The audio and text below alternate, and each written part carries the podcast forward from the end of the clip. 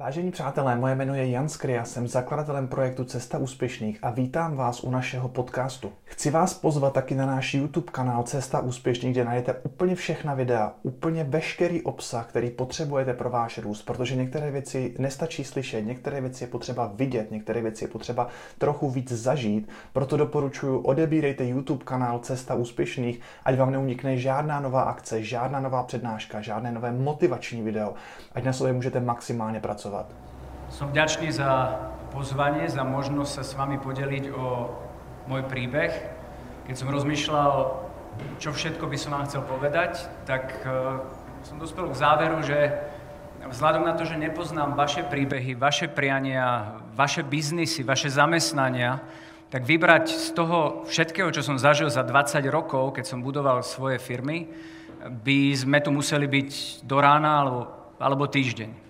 A preto som vybral dve zásadné veci. Tá prvá z nich mi zachránila podnikanie a tá druhá z nich mi zachránila život.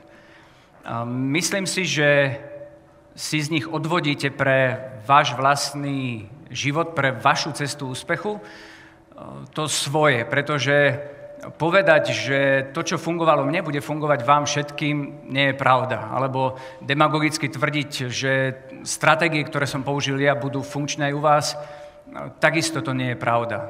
Čo mi je veľmi sympatické, že vo večerných hodinách ste pripravení na sebe pracovať, ste pripravení sa inšpirovať príbehmi druhých ľudí a k tomu vám chcem pogratulovať, pretože na Slovensku a v Čechách to robí e, veľmi málo ľudí, menej ako 5% Predtým, ako začnem mojimi témami, dovolte mi urobiť krátke predstavenie, eh, kto som, čomu som sa venoval v minulosti, čo robím teraz a kam smerujú moje kroky, aby ste si aj vedeli vyhodnotiť, prečo tento človek má právo alebo mohol by rozprávať o úspechu, čo vlastne dokázal a čomu eh, za to vďačí. Začínal som veľmi mladý, pretože už v 15 rokoch naša rodina zažila veľkú tragédiu.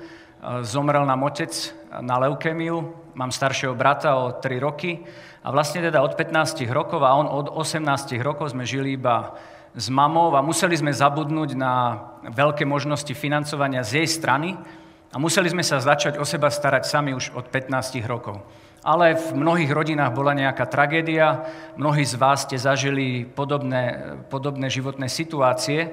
A hovorím to len kvôli e, zdôvodneniu niektorých argumentov, ktoré budem potom neskôr používať ako tých, ktoré mi pomohli na ceste za úspechom. Tento, tento okamih spätne považujem za extrémne dôležitý, pretože možno sa mi stala tá najlepšia vec v živote, že sa mi stala tá najhoršia vec, alebo jedna z najhorších vecí v živote. Psychológovia hovoria, že pre jedného z desiatich, ktorí zažijú obdobnú vec, to bude znamenať pre život totálnu pozitívnu inšpiráciu, a ja sa pokladám za toho šťastlivca v nešťastí, že som jeden z tých desiatich, ktorí museli v 15 rokoch chytiť svoj osud do svojich rúk a začať na sebe pracovať viac ako tí, ktorí mali tú pomoc aj zo strany rodičov. Kto z vás by sa chcel mať o trochu lepšie, ako sa mal doteraz? Poprosím ruku hore. Mhm. Väčšina. Kto z vás by chcel mať o trochu viac peňazí, ako mal doteraz? Ďakujem za úprimnosť, ja tiež. A tak to bolo aj od 15 rokov, mal som veľké ciele, ale moja mama nemala schopnosť ich platiť, hovoril som jej často o Ferrari, ona hovorila, Peter, prepač, no, to ja ti nesplním. A teda od 15 rokov začínam pracovať na stavbe, manuálne, a zistujem, aká to je ťažká práca. Dostávam 25 korún na hodinu, čo v daných časoch po 10 hodinách práce znamená 250 korún, veľké peniaze ale do rána väčšinou nezostáva nič z tohto honoráru, pretože reštaurácie a e, míňanie mi bolo veľmi blízke. V 18 rokoch, v roku 1992, e, začínam, a to už bolo po revolúcii, kedy som sa vlastne narodil druhýkrát, možno niektorí z vás prvýkrát, ale november 89 bol prelomový a bez toho, čo sa udialo v novembri 89, by som nemal šancu ani zarobiť toľko peňazí, ani sa mať tak dobre, ako sa to podarilo nám a takisto sa darí vám, pretože máme možnosť podnikať. A teda od 89. sa pokúšam rozbiehať prvé nejaké svoje biznisy, nakupujem v Maďarsku svetre, v Jury, keďže už je premlčaná daňová povinnosť, môžem to povedať. Privážam svetre na Slovensku, na burze, nie na Wall Street, ale na Vajnorskej burze. A tam predávam 10 svetrov, ktoré som kúpil v stredu v Jury, pridávam si 100% maržu, čo sa mi zdalo úplne samozrejme v danom čase, si pridal 100%, a mám z toho nejaký príjem, ktorý má ako študenta odlišuje od ostatných študentov, kupujem si prvé auto, ale stále nemôžem hovoriť o nejakom veľkom biznise. A teda vidíte, že ak sa človek chce mať lepšie, tak musí robiť niečo inak ako ostatní. Ak sa chceš mať nadštandardne dobre, nemôžeš robiť v štandardnom zamestnaní. Pretože v štandardnom zamestnaní ti budú platiť štandardné peniaze. Takže ak sa chceš mať nenormálne dobre, musíš byť ochotný robiť niečo nenormálne. Toto sa veľa ľuďom nepáči. Ja by som zdôraznil niektoré myšlienky, keď si ja budem myslieť, že to je dobrá myšlienka, ja pôjdem pre túto žiarovku a upozorním vás na ňu. Takže prvá dobrá myšlienka, čo ja si myslím, že je dobrá myšlienka, ak sa chceš mať nenormálne dobre, nemôžeš robiť v normálnom zamestnaní. Lebo v normálnom zamestnaní budeš dostávať normálnu výplatu, budeš mať buď nenormálneho alebo normálneho šéfa. Kázali mi neprekročiť túto čiaru, tak musím mať tú žiarovku takto.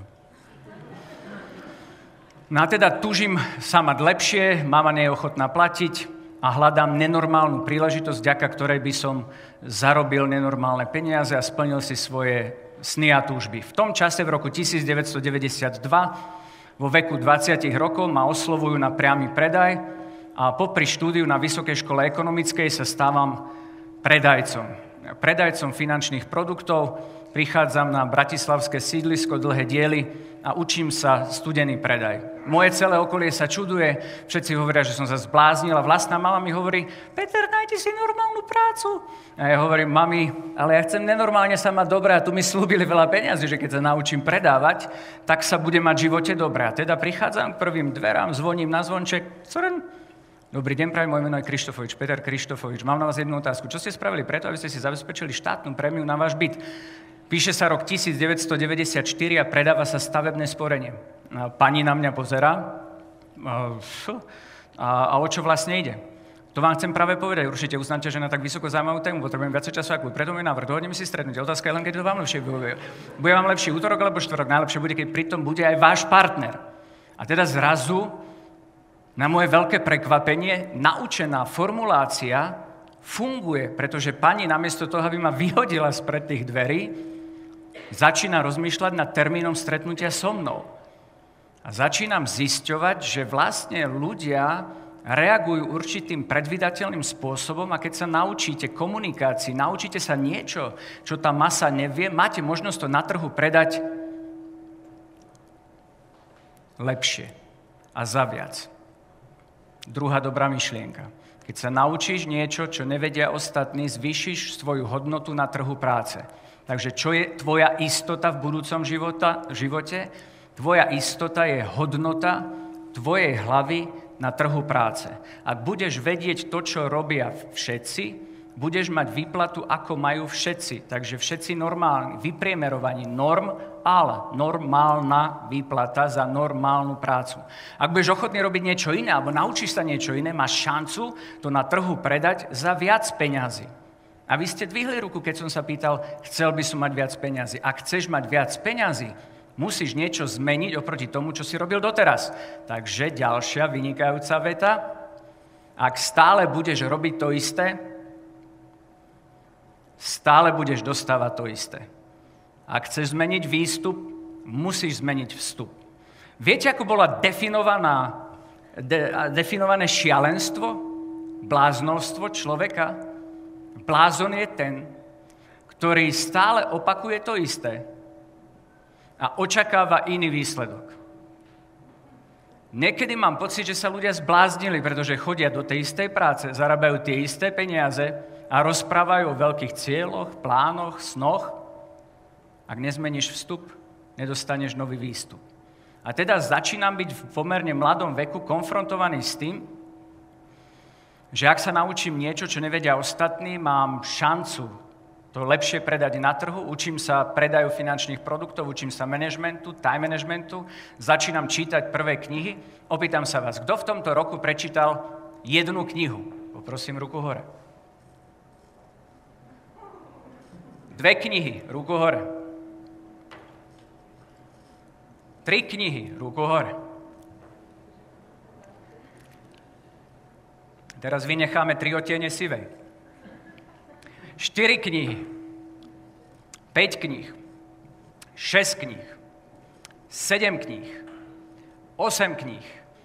Odrátame príbeh Angeliky, Harryho Pottera.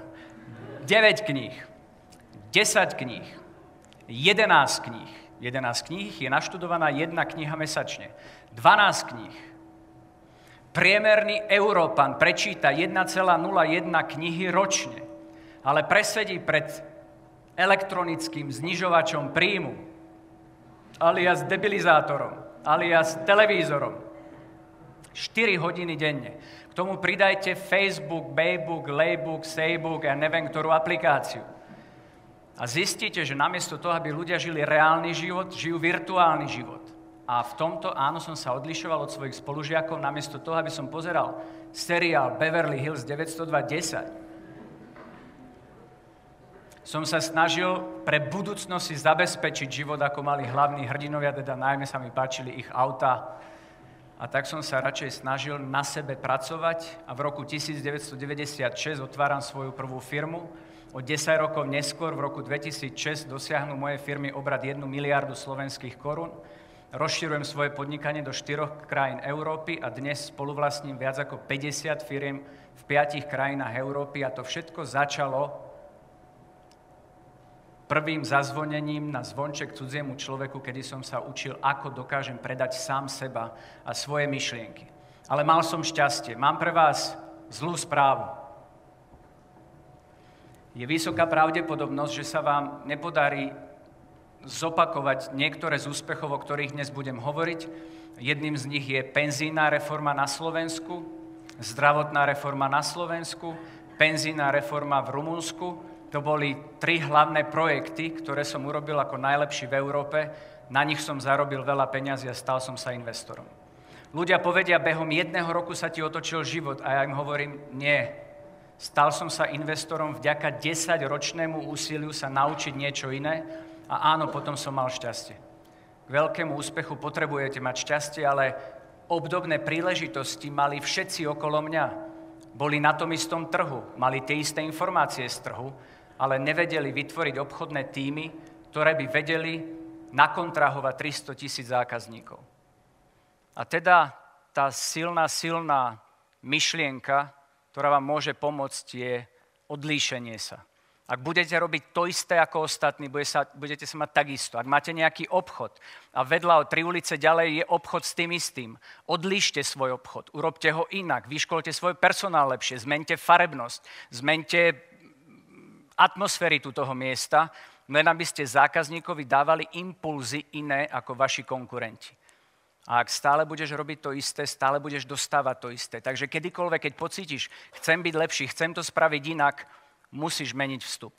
A to som nazval čertovým kolom a na to, aby sme vám to spolu s ďalšími štyrmi dobrovoľníkmi vysvetlili, je to tá prvá vec, ktorá mi zachránila biznis a môže pomôcť aj vám, pretože som pochopil, akým spôsobom funguje náš mozog. Od okamihu, ako som si všimol, že mám väčšie úspechy ako moje okolie, začal som rozmýšľať nad tým. Je to vďaka mojim predkom, a teda vďaka DNA, je to vďaka mojej tvrdej práci, alebo je to náhoda, vďaka čomu ľudia dosahujú lepšie výsledky ako ostatní. Máte možnosť napodobniť úspech, máte možnosť a opýtam sa vás, máte možnosť byť lepší, ako ste boli doteraz? Kto si myslí, že má možnosť byť aspoň o kúsok lepší, ako bol doteraz? A máte pravdu. Ale ak dám otázku, kto z vás si myslí, že bude v živote miliardár a či každý z vás môže byť miliardár? Eurový. A niektorí z vás dvíhate ruku a ja vám držím palce. Choďte za svojim snom, ale neviem, či budete miliardári. Viem, že určite budete lepší, ako keby ste ten veľký sen nemali. Pretože ak si dáš veľký sen, veľký cieľ, nutí ťa to, aby si bol lepší. Ak niekto v športe chce vyhrať majstra sveta, bude určite lepší ako niekto, kto chce vyhrať najlepšieho v dedine. Súhlasíte? Ak sa rozhodneš byť najlepší v paneláku, v ktorom žiješ, určite budeš horší, ako keď sa rozhodneš byť najlepší v tejto republike. Takže od tvojej veľkosti cieľova myslenia záleží, kam až to v živote dosiahneš, dotiahneš. Čertovo kolo hovorí o tom, ako funguje náš mozog. Potrebujem teraz štyroch dobrovoľníkov, ktorí m sa nič nestane, nič nebudú musieť odpovedať a spolupráca je honorovaná, takže dostanú darček. Takže poprosím prvého, aby sem prišiel, poďte, druhý, poďte, tu niekto je, slečna, poďte, a tu, tak aj vy, slečna, môžete ísť, poďte. Ostatní vám tlieskajú za odvahu, čo to s námi bude robiť.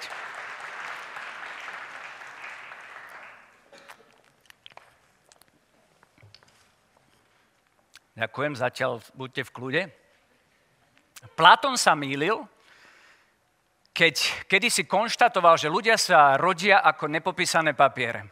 To nie je pravda každý z nás sa narodil s určitými danosťami a vedci sa nevedia presne zhodnúť na tom, koľko percent z nášho budúceho úspechu znamenali danosti.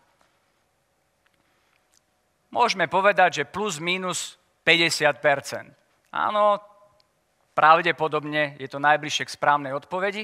A teda nám z toho vyplýva, že každý z nás dostal nejaké danosti. A to je nefér. Lebo jeden dostal lepšie danosti a druhý dostal horšie danosti. Niekto dostal talent na podnikanie, niekto ten talent na podnikanie ne, nemá. A keď máte idiota a je motivovaný, máte len motivovaného idiota. To znamená, 50% z toho vášho úspechu je nefér. Život nie je fér. Počkajte. Život nie je fér. A nebude. Ale ty možno veríš niečomu inému. Ja neverím inému. Život nie je fér. Zomrel mi otec 15, to nie je fér. Ale možno to bolo najlepšie, čo sa mohlo stať pre moju kariéru, lebo som sa musel od 15 rokov starať o seba sám. Možno ty dnes sa vyhováraš na niečo, čo sa ti stalo v živote, ale možno sa ti stalo to najlepšie. A možno pozeráš ale na svojho suseda, to nie je fér, aký on má talent. A ja ti hovorím, áno, nie je to fér. A čo? Chod sa stiažovať na Národný výbor. Takže Platón sa mýlil, že hovoril, všetci sa narodíme rovnako a potom nás popíšu. Nie je to tak. Jeden je schopnejší, druhý je menej schopný. A keď si vyberieš nejakú profesiu, na ktorú si nedostal talent, tak nebudeš horší ako niekto, kto vôbec na sebe nepracuje, ale má jednoducho talent. Takže na to, aby si uspel vo veľmi tvrdej konkurencii, potrebuješ talent a potrebuješ veľmi, veľmi tvrdo na sebe pracovať. Malcolm Gladwell vo svojej výnimočný tvrdí, že na to, aby dosiahol náš mozog excelenciu v nejakej činnosti, potrebuje 10 tisíc hodín tréningu. Koľko? 10 tisíc hodín tréningu. Inak neviem, či rozumiete každému slovu, ktoré hovorím, bratři. Lebo malé deti už nerozumejú. Budeš, podaj mi loptu. Bratovi z pozarieky Moravy. A on že, vo čem mluvíš ako? No loptu mi podaj. Lopta je míč. Aké je vaše krstné meno? Lucie. Lucie, Peter. Lucia bude prvá, ktorá mi pomôže a bude držať túto tabulu smerom ku vám. Ak vychádzame z vedeckého poznatku, že sa nerodíme ako nepopísané papiere, ale dostaneme určité danosti a náš mozog potom celý život nás vlastne vedie, musíme sa naučiť, ako funguje náš mozog. Prečo som to nazval čertovo kolo, vám poviem na záver, ale teraz je podstatné a dôležité si povedať, čo tvorí tých druhých 50%. Takže si sa narodil, ja ťa tu niekde mám, Možno si vyzerá lepšie, ale mám také... Takže si sa narodil, dostal si 50% danosti a otázka je tých druhých 50% do 100% fungovania tvojho mozgu prišli odkiaľ? Na základe čoho tvoj mozog začal pracovať. Lucia má odpoveď, teraz vám to otočí. Tram teda dám na základe informácií. Takže toto malé bábatko, čo si bol ty, prišlo z nemocnice domov a rodiči začali mu niečo rozprávať. Rástlo a počúvalo. Začalo pozerať televízor. Rástlo, rástlo, začalo čítať knihy a začalo počúvať pravdy. Pravdy svojich rodičov. Pravdy svojho učiteľa. Pravdy svojich kamarátov. Pravdy politikov. Pravdy filmových hviezd. Pravdy okolia a začala si vytvárať tzv. páči sa, otočíme, myšlienkové vzorce. To znamená informácie, ktoré príjmaš, formujú tvoje myšlienkové vzorce, tzv. paradigmy a vďaka ním, môžeme otočiť, vďaka ním vytvára tvoje činnosti. Takže na vstupe je informácia, vďaka ktorej získavaš určitú formu myslenia. Najprv je myšlienka, potom je čin, takže po myslení idú tvoje činnosti a až na štvrtom mieste je to, čo ľudia chcú meniť. Výsledky. Ak, ak nie si spokojný so svojimi výsledkami, máš začať meniť čo? Činnosti. Ale ako môžeš zmeniť činnosti, keď uvažuješ stále rovnako, ako si uvažoval predtým? Takže musíš začať meniť myslenie. A ako môžeš zmeniť myslenie, keď myslíš stále rovnako, jak si myslel celých 30 rokov, 40 rokov, 20 rokov tvojho života? Musíš zmeniť informácie. Takže keď zmeníš vstup, zmeníš aj výstup. To malé bábetko dnes, ktoré sa narodí tu v nejakej nemocnici najbližšej, v noci dnes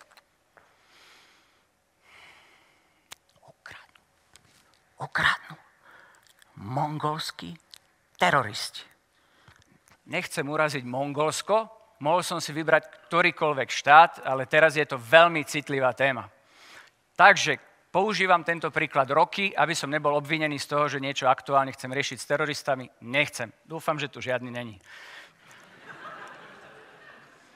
Takže malé bábetko, ktoré sa narodí dnes v nemocnici tu v Prahe, bude ukradnuté mongolskými teroristami, ktorí ho odnesú do hlavného mesta Mongolska, čo je Ulambátar.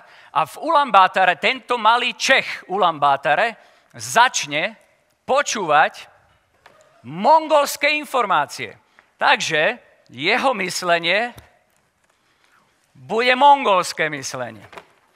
A jeho činnosti, ja totiž, mne sa pomiešali tie tabule, ja neviem, ktoré slovo čo znamená. Ale keďže ani vy neviete mongolsky, je to jedno.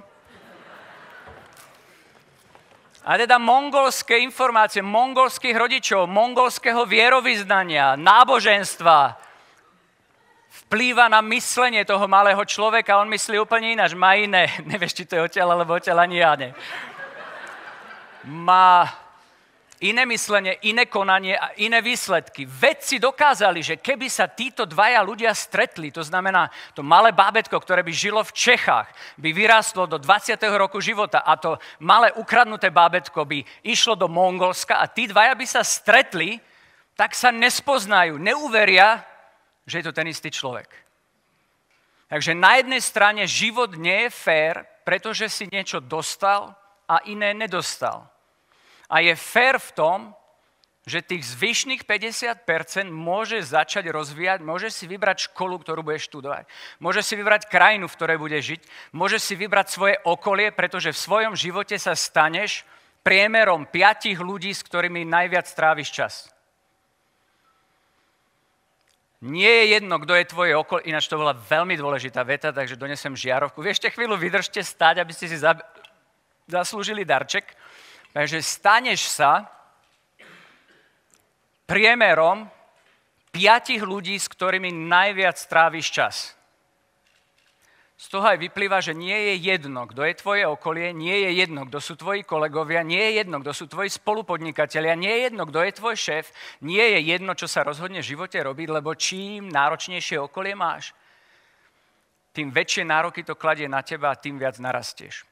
Prečo toto bolo kľúčové pre môj život? Lebo som si uvedomil, že mám šancu redizajnovať svoj život podľa seba, nie podľa mojej matky, ktorá je veľmi opatrná a nikdy nepodnikala, tak som sa rozhodol ju nepočúvať, keď mi bude radiť, ako mám podnikať.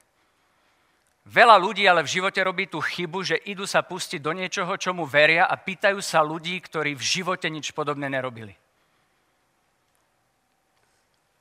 Informácie menia myslenie. Myslenie mení konanie. Konanie zmení výsledok. Takže ak na základnej škole si dostal informáciu, že z teba nič nebude a tvoj mozog natiahol do seba, že z teba nič nebude a tvoj myšlienkový vzorec bol, že so mňa nič nebude, tak tu si konal ako ten, z koho nič nie je a vo výsledku sa ti moc, moc nedarí. To, čo si myslíš, tým si staneš sa odrazom toho, na čo najčastejšie myslíš. Keby to bola na 100% pravda, tak každý 18-ročný chlap je žena.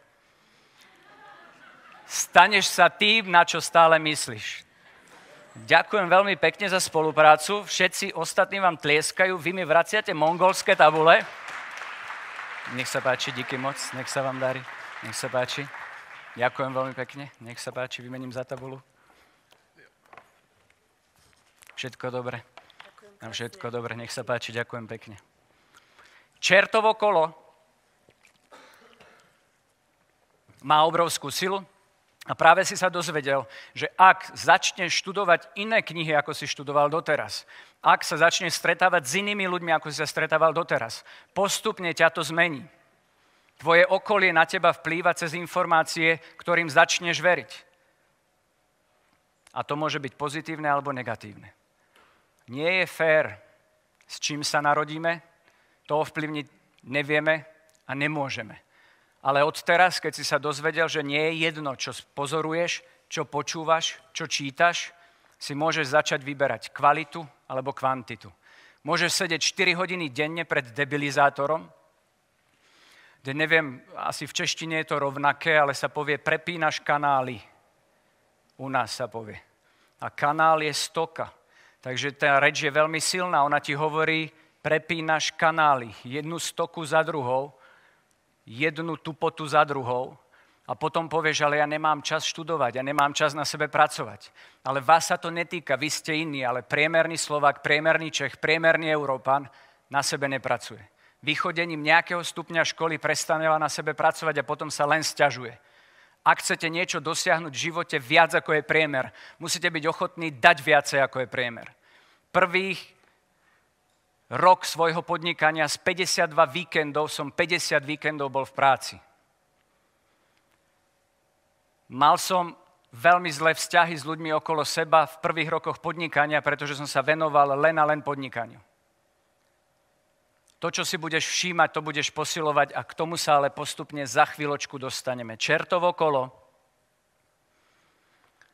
mi zmenilo život, pretože ma priviedlo k štúdiu, k študovaniu kníh, k návšteve rozvojových seminárov a k stretávaniu sa s lepšími ľuďmi, ako som ja sám. Stal som sa špongiou, ktorá začala nasávať do seba a namiesto závisti voči úspešným ľuďom som začal pociťovať rešpekt a túžbu sa stať lepším ako som.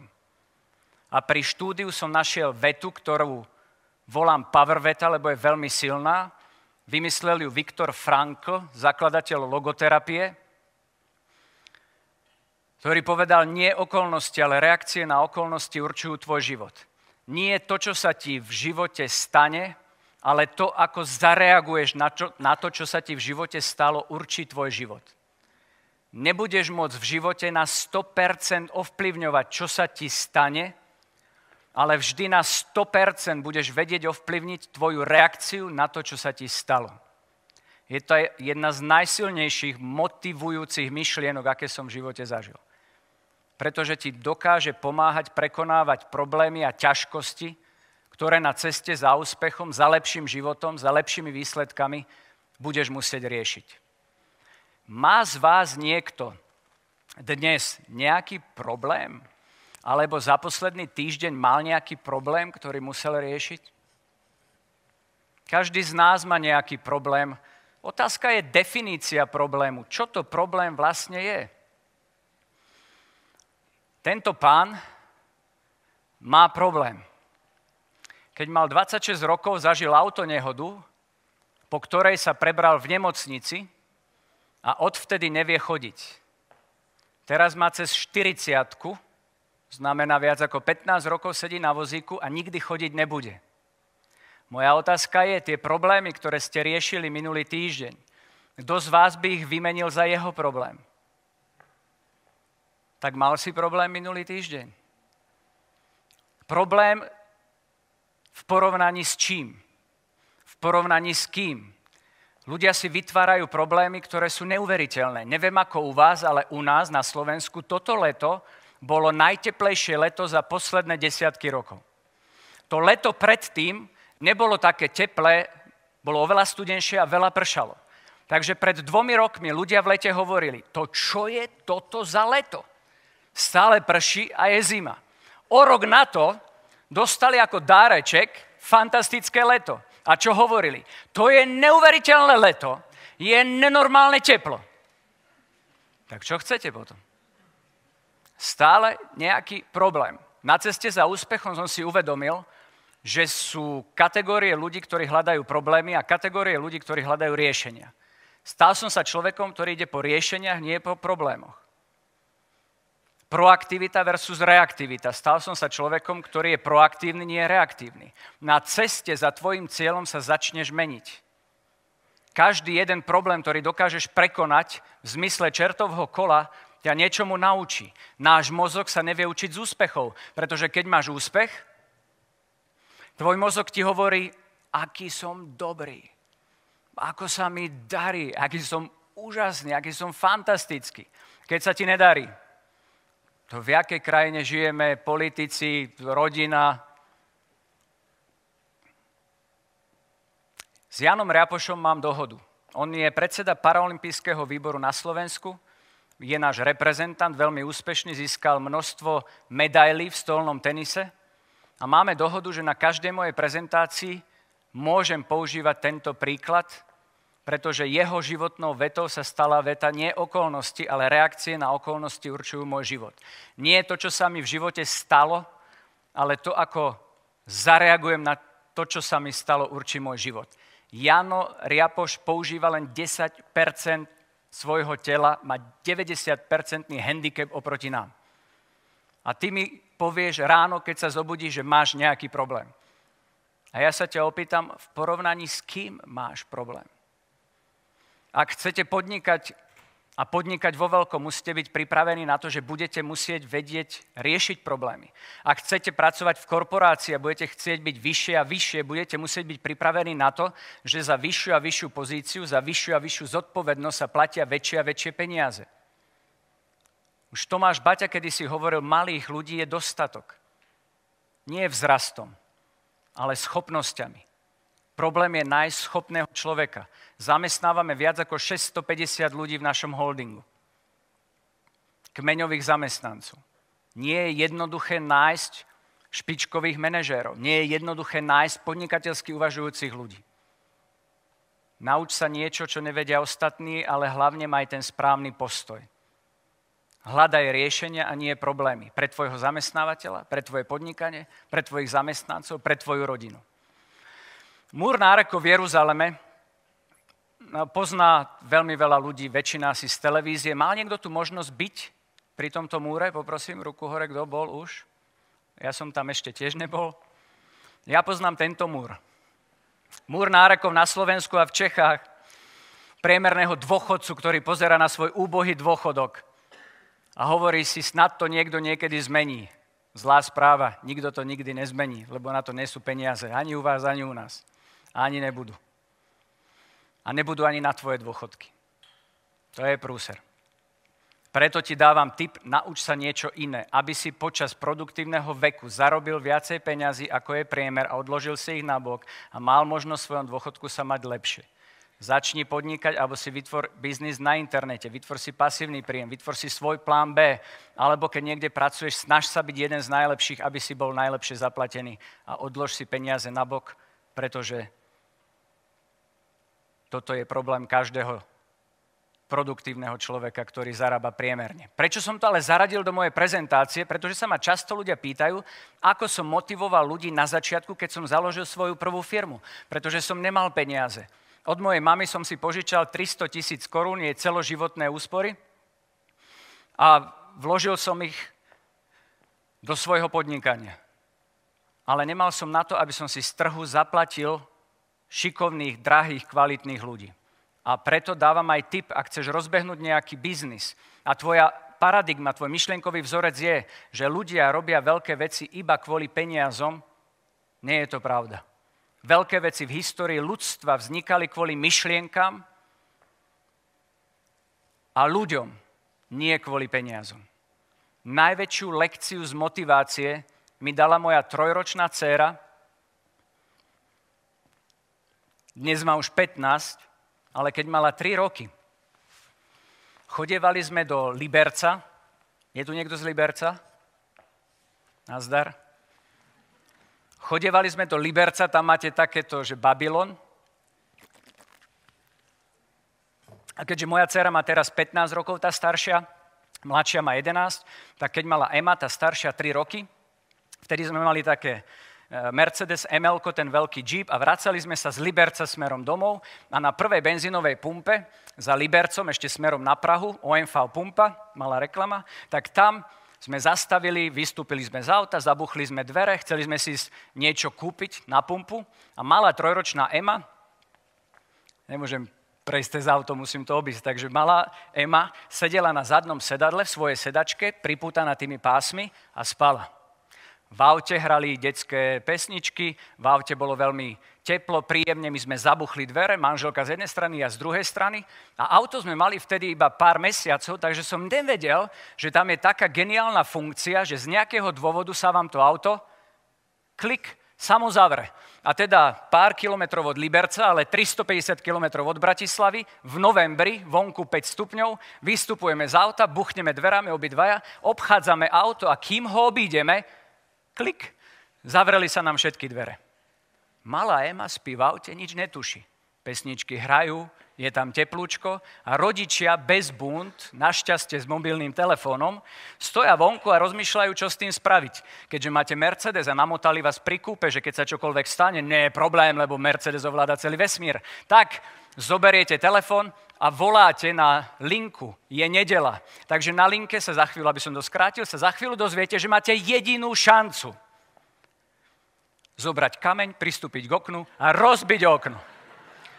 Tak ďakujem vám veľmi pekne za túto radu, idem vymyslieť niečo iné. A ako správny manažer rozmýšľam nad tým, ako zmanéžujem svoje trojročné dieťa, aby dokázalo otvoriť dvere, čo predtým v živote nespravilo. Takže sa postavíš tým dverám, začínaš sa drkotať a zabuchaš na okno. Malá Ema precitne, našťastie, keďže je malá, nechytí paniku, že je sama v aute, lebo nevie, čo nevie. Takže sa pozre, pozre sa na známu osobu a jej rodič hovorí, Ema, potiahni tú striebornú kľúčku a otvor dvere. Malá Ema, poslušné to dieťa, pozrie, kam ukazujem, strieborná kľúčka, vystrie jednu ruku, ale má tie popruhy tuto, Takže keď sa pohne dopredu, chytí kúsok kľúčku, štuplík vyskočí, štuplík padne naspäť a ja neotvorím dvere. Keď začnete motivovať ľudí vo vašich firmách, vo vašej práci, vaše deti, prvá možnosť, ktorá vám napadne, je prvé manažerské pravidlo. Ak ti ľudia nerozumejú, zvýš svoj hlas. Ema, chytu kľúčku a poťahni ju k sebe malá Ema vyskúša druhý pokus, ale ani druhý pokus nezafunguje. Takže sa pokúsite zopakovať dovtedy neúspešnú stratégiu, ale vy je stále veríte. Ema! Chytu kľúčku a poťahni ju k sebe. Malá Ema po tejto inštrukcii, namiesto toho, aby vykonala môj príkaz, sa otočí na bok a odmietne so mnou komunikovať. Takže stojíš pri aute v Liberci, 350 km od tvojho domu, je nedela, tebe začína byť zima, zúfalstvo, manželka sa samozrejme pozera, aký si úžasný manžel, ako vie zvládnuť situáciu. A vtedy iba osvietil vesmír niekto, neviem kto, knižka číslo 7. Odchádzam na benzínovú pumpu a prichádzam Geme Akože mám voľné ruky a klopem na to okno, hej? Takže zaklopem na to okno, jemnúčko. Malá Ema sa pozrie na mňa. V tom momente to trojročné decko vyletelo z tej sedačky, na prvýkrát otvorilo dvere, ja som otvoril auto a pochopil som zázrak motivácie. Daj druhým ľuďom to, čo chcú oni a oni dajú tebe to, čo chceš ty.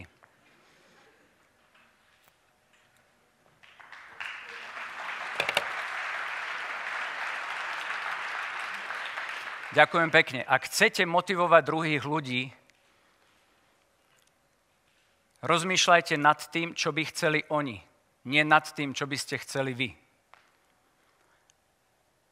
Častokrát šéf si myslí, že je lepší, ako sú jeho ľudia, že rozumie všetkému a namiesto toho, aby sa ich opýtal, tak bude hádať. Zázrak motivácie je v tejto jednoduché vete a z vlastnej životnej skúsenosti 20-ročného podnikania vám môžem povedať zo štyroch trhov, na ktorých pôsobím, že motivácia ľudí nie je o peniazoch, len o peniazoch.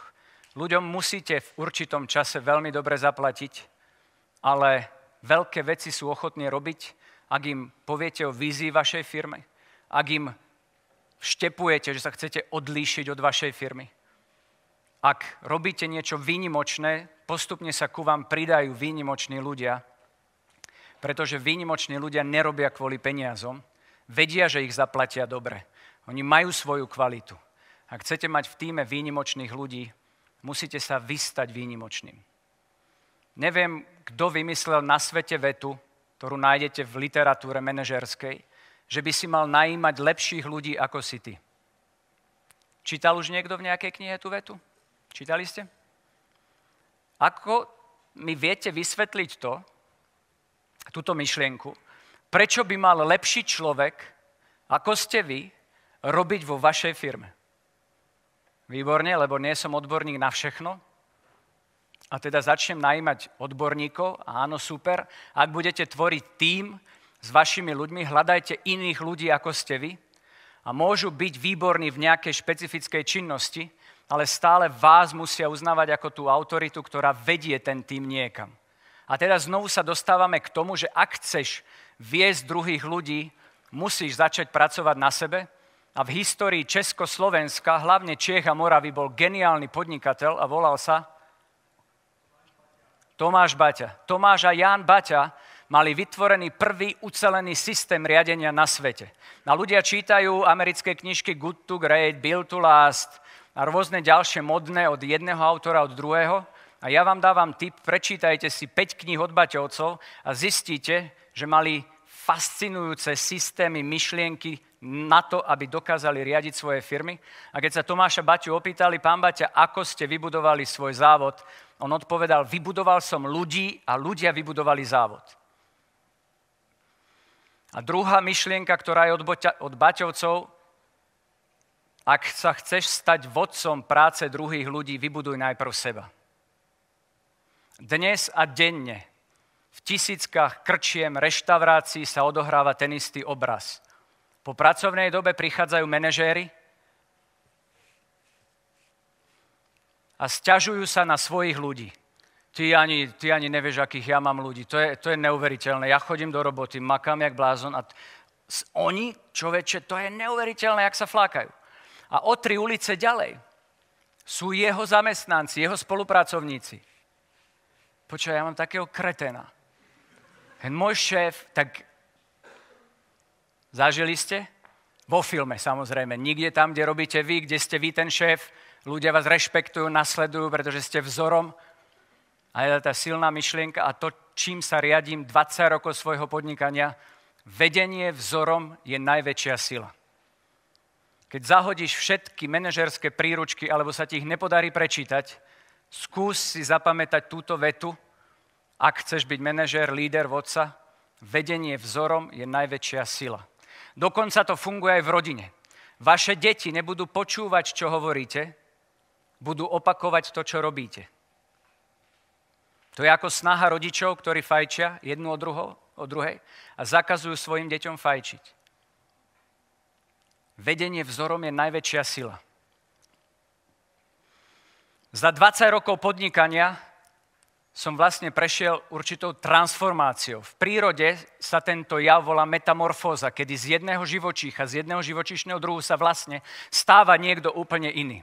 A áno, pred 20 rokmi som bol niekto úplne iný, ako som dnes. A aj ty, ak sa chceš posunúť ďalej, musíš byť otvorený zmene. Len ľudia nemajú radi zmenu, boja sa zmeny. Poviete im novú myšlienku a to rozbíja ich staré paradigmy. Ale dnes už viete, že ak chcete byť vo výsledku lepší, musíte byť pripravení na vstupe sa naučiť niečo nové.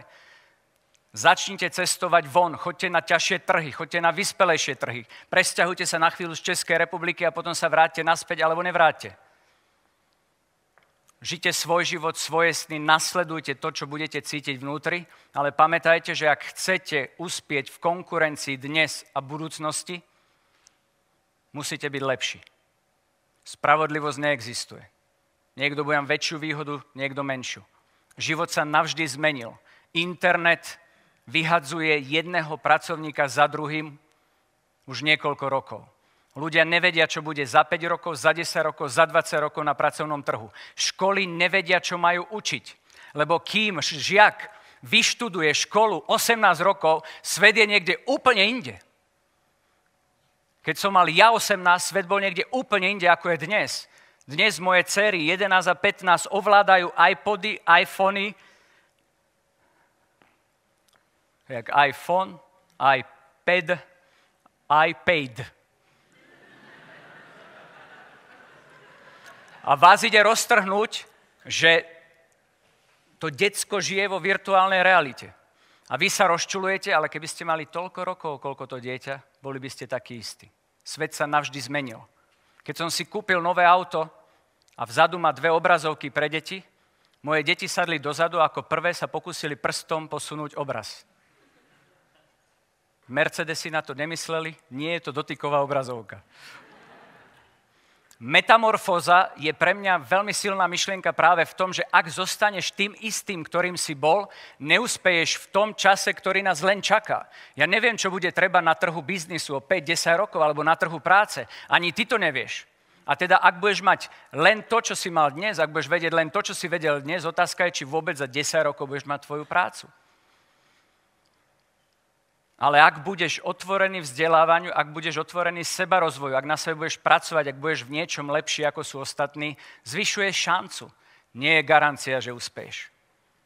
Garancia nie je. Zvyšuješ šancu.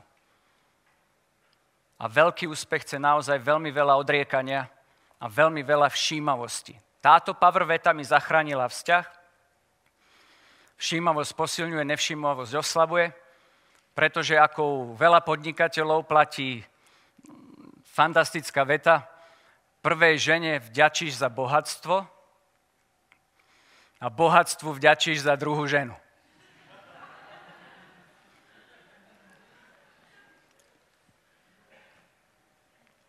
Keď som však si prečítal knižku od Chapmana 5 jazykov lásky, Zachránilo mi to vzťah, pretože som konečne pochopil, prečo pre moju manželku je dôležitejšia zašrobovaná žiarovka ako nový Mercedes v garáži. Chlapi, chápete to? A ženské sa smejú, pretože oni sú čudné. Takže potom za chvíľu pochopíš, že existujú nejaké jazyky lásky, ktoré vysledoval psychológ na základe 30-ročného pozorovania žien aj mužov, aj muži tam chodili, aj mužov, aj muži tam chodili na tie sedenia, on robil v manželskej poradni. A zoradil nejakých 5 jazykov lásky a teraz Krištofovič, podnikateľ, ktorý si myslí, aký je úžasný a nechápe, že jeho manželka je z neho úplne mimo, tak si preštuduje, že dávanie darov vôbec nemusí byť dôležité pre jeho manželku, ak má iný tzv. primárny jazyk lásky a zrazu zistí, že žije s osobou, ktorú vôbec nepoznal poriadne a zistí, že všímavosť a služba je niečo, cez čo tá žena vníma lásku. Takže sa naučí zašrobovať žiarovku a zistí, že ten večer Všímavosť posilňuje, nevšímavosť oslabuje. Je silná tzv. power veta. Všetko, čo si budeš všímať, bude rásť. To, čo si prestaneš všímať, prestane rásť. Aké je to jednoduché aké je to silné. Keď si nebudeš všímať vzťah so svojou ženou, keď si nebudeš všímať vzťah so svojím mužom, keď si nebudeš všímať vzťah so svojimi deťmi a budeš len workoholik, alebo len zameraný na svoje ciele, svoje priority, svoj život, tak tvoje okolie ti to vráti naspäť. Preto toľko podnikateľov neustojí svoje manželstvá.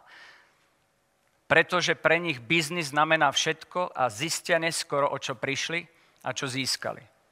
Ja som vďačný vesmíru za to, že mám tu možnosť hovoriť, mám stále tú istú manželku, milujem svoje deti a zachránil ma jeden seminár, kde mi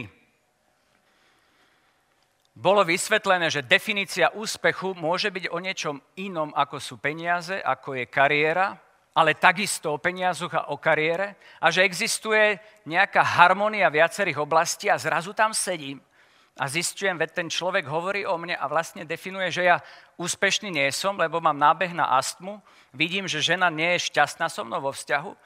A jediné, čo stíham, sú peniaze a kariéra. A zrazu prehodnocujem svoj život, svoje podnikanie, svoju budúcnosť.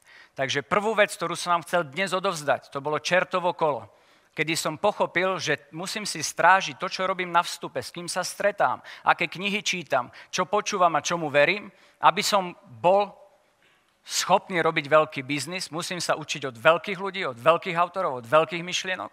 A potom v určitej fáze si vyprofilujem novú filozofiu úspechu, ktorú nazvem Balance 5. A teda aj môj tip pre vás je, nájdite si svoju definíciu úspechu ako povedal Mark Twain, kto nevie, kam ide, sa nemôže čudovať, že príde niekde úplne inde.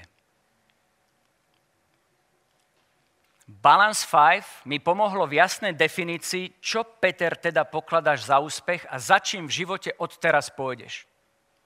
A zmenil môj pohľad na úspech, môj pohľad na plánovanie.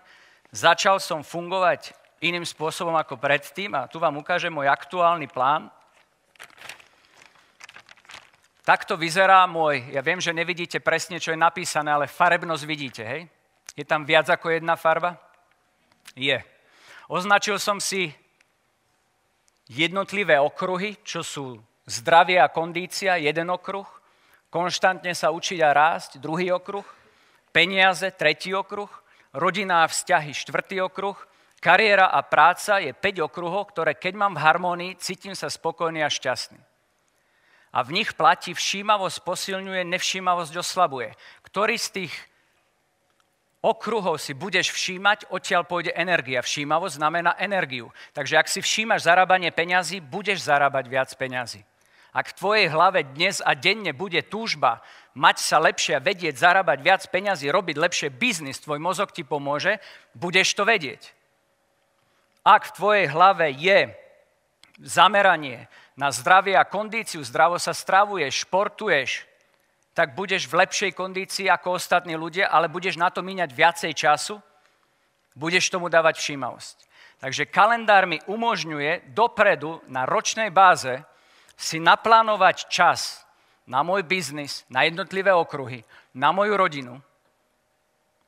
A tým mi umožňuje balansovať moje podnikanie, moju realizáciu moje zdravie, moje vzťahy. Máželka zvykne skonštatovať, že nemáme celkom taký uvoľnený život, ako spontánny. A ja jej odpovedám, áno, nemáme spontánny život, pretože sa musím pozrieť, teda, čo, kedy. Ženy sú zvláštne, ale inak pohode. Takže Balance 5 Môže byť pre teba balans 1, balans 3, balans 7. Ja len ti dávam tip, že zamysli sa, čo pre teba znamená úspech, čo by si naozaj v živote chcel, pretože každý úspech niečo stojí.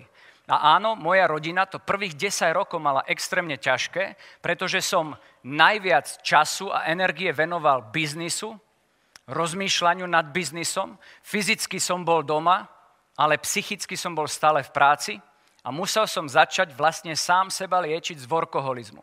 Ale workoholizmus na veľmi veľký úspech bol pre mňa nutný, aby som dal veľkú všímavosť biznisu. Takže možno tebe sa podarí ľahšie zarobiť peniaze. Možno sa ti ľahšie podarí urobiť kariérou. Ja som musel prejsť denno, dennou tvrdou prácou viac ako 10 rokov, kým som mal to šťastie, že prišiel veľký zlom, ktorý som dokázal využiť. Balance 5 vám možno zachrániť zdravie, keď si uvedomíte, že to sa kúpiť nedá. Balance 5 vďaka všímavosti vám možno zachráni vzťah ako mne a máte možnosť žiť lepší život. Takže tú druhú vec, ktorú som vám dnes chcel odozdať, bola Balance 5. Keď robím prezentácie a vidím, ako ľudia sú niekedy zdemotivovaní, keď sa stretám s mladými ľuďmi, ktorí majú 20 rokov a ja mám pocit, že tam sedia starci, tak vlastne každému človeku musím povedať, že ty si už raz bol víťaz. A oni sa pýtajú, Peter, ako to myslíš? A ja im hovorím, viete čo, jedného dňa mi napadlo napísať na Karlovú univerzitu, reálna story. Dobrý deň, tu je Peter Krištofovič, mám takúto otázku. Dostal som ideu. Je možné, že prvá spermia v poradí, ktorou som bol ja, dokázala vyhrať závod medzi niekoľko 100 miliónmi spermí, s ktorými súťažila tuf, lákeť, tuf, kopačka, tuf, koleno. Jednoducho si to od seba odháňal. Takže ty si bol prvý víťaz toho závodu a na Karlovej univerzite mi potvrdili, že keby si bol druhý, nie si prvý, takže nie si to ty a je to niekto druhý. Takže mi nehovor, že si sa nenarodil ako víťaz. Ty si sa narodil ako víťaz a nie sú to žiadne motivačné keci, to sú fakty. Spolu s tebou tam bolo ďalších 100, 200, 300 a koľko miliónov ďalších ľudí, ktorí sa chceli dostať a sa nedostali cez teba. A viem, že je to citlivá téma, dámy, ja vás nechcem uraziť, ja hovorím teraz hodinu biológie. To tak jednoducho je. Ty si sa narodil ako víťaz, prúser je v tom, že si dostal nejaké danosti a iné si nedostal. A teraz ty musíš žiť, dostal si rozdané karty a musíš s nimi hrať. Už nebudú iné, ale nebudú ani horšie. Takže máš danosti, máš silné stránky a takisto máš slabé stránky. Posilňuj silné stránky a na slabé stránky nájdi riešenie.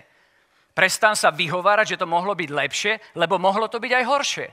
Prestan hľadať problémy, že vonku prší, lebo do prčic máš ruky, máš nohy, ráno vstaneš a môžeš sa realizovať. Prestan sa sťažovať, lebo dnes môžeš cestovať, naši rodičia nemohli. Boli sme obohnaní osnatým drôtom a niekto povie, že bolo lepšie. Čo si normálny? Však máš teraz slobodu, môžeš ísť kamkoľvek na svete. Vy mladí si neviete predstaviť, čo to bolo v Bratislave dojsť na hranicu s Rakúskom a vidieť tam vojaka so samopalom. Dnes stade chodíme na kávu. To je fantastické, aké máme možnosti. V histórii Slovenska a Čech neexistuje obdobie v tej novodobej histórii, kedy nám bolo lepšie. Že mohlo byť lepšie, áno, mohlo byť lepšie. Že mohlo byť horšie, choďte na Ukrajinu, podnikám aj tam. Choďte do Rumunska, podnikám aj tam. Choďte do Kene, kde staviam školský penzión. A tam uvidíte, čo je chudoba. Čo sú možnosti a nemožnosti. Ľudia, je nám fantasticky. Máš všetko pred sebou. Máš možnosť zmeniť všetko, čo ťa doteraz mrzelo. Všetko vieš zabuchnúť minulosť a vieš sa pozerať dopredu. Prestan si hovoriť, mohla som si zobrať pištu Hufnagela. Zobrala si si, koho si si zobrala. Veľmi vám želám, aby sa vám podarili splniť vaše sny, vaše ciele. To, za čím idete vy. Nebude to jednoduché, pretože nie každý vám bude chcieť pomôcť. Nebude to jednoduché, pretože možno vám budú chýbať peniaze, možno vám bude chýbať nadšenie, možno vás niekto oklame a vy budete z toho frustrovaní. Ale život nie je spravodlivý. A keď chcete veľké veci, musíte si ich zaslúžiť. Keď chcete niečo veľké dokázať, musíte na sebe tvrdo makať. A niekto zase bude mať väčšie šťastie a niekto menšie. Život nie je spravodlivý. Ale buď chceš, alebo nechceš, ostatné sú keci. Buď chceš, alebo nechceš bojovať s tým, čo ti dala príroda, čo ti dali tvoji rodičia, čo máš pred sebou. A každý problém je niečo, čo ťa má posilniť a posunúť ďalej. Ale tiež si môžeš povedať, to sú také blá, blá, blá. A ja ti hovorím, začni si viac študovať o psychológii, o tom, ako funguje ľudský mozog a zistíš, že to, čo si myslíš, tým si. Takže keď si myslíš, že si porazený, konáš ako porazený, budeš porazený. A keď si myslíš, že si sa narodil ako víťaz, ale budeš musieť sakra na sebe makať, tak aj to je pravda. Tú tvoju pravdu si určuješ ty. Ďakujem vám veľmi pekne za vašu pozornosť, za to, že ste ma pozvali a rozlúčim sa posledným vedeckým príkladom, ktorý je dokázaný a známy v psychológii ako Pygmalionov efekt. A to bola tretia vec, ktorá mi navždy zmenila pohľad na vedenie ľudí, na mňa, na druhých ľudí, na moje deti.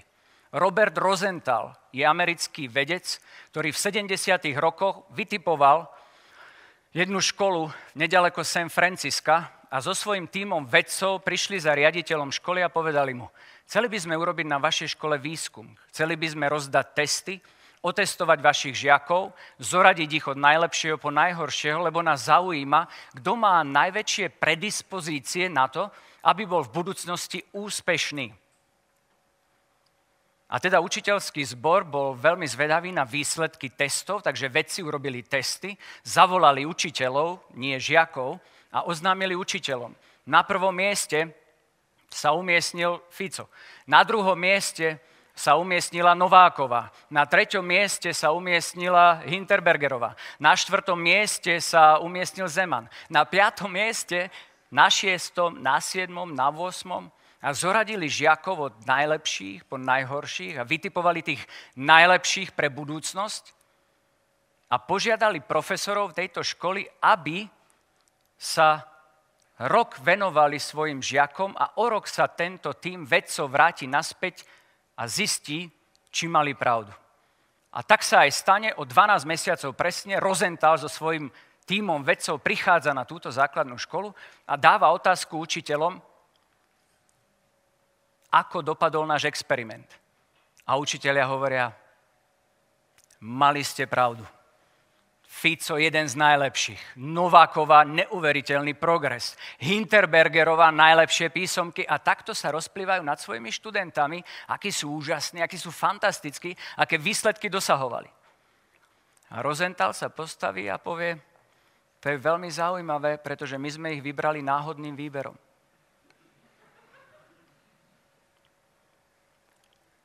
A pýta sa učiteľov, ako si to vysvetľujete?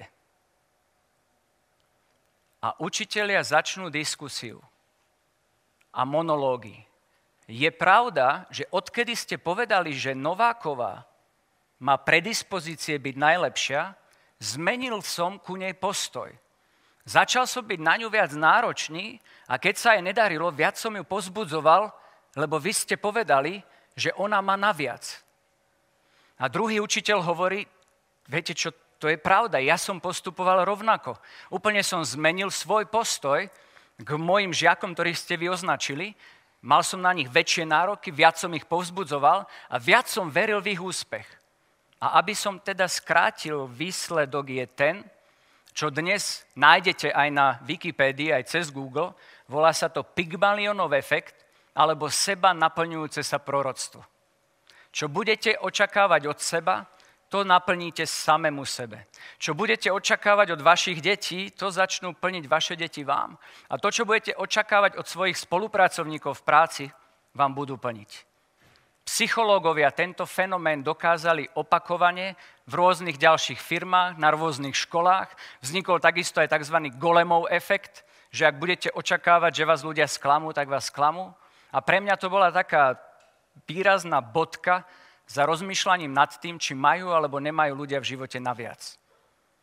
A ja verím, že ľudia majú naviac. Verím na to, že aj vy máte naviac, ak získate okolie podpory, ak získate sami od seba nové očakávania a áno, je vysoká pravdepodobnosť, že sa nestanete miliardármi, ale o, o to ani nejde. Americkí vedci definovali 100 tisíc dolárov pre americký trh ako ten, kedy hodnota peňazí už neprináša žiadne ďalšie životné uspokojenie človeka. Neviem, aká suma je potrebná pre priemerného Čecha a priemerného Slováka, viem však, že to nie sú milióny. Pretože poznám aj nešťastných a smutných milionárov a poznám vysmiatých a šťastných ľudí s priemerným príjmom. Ty si musíš nájsť svoju cestu, svoje myšlienkové vzorce, ktorým veríš a buď chceš, alebo nechceš. Ostatné sú keci. Ďakujem veľmi pekne.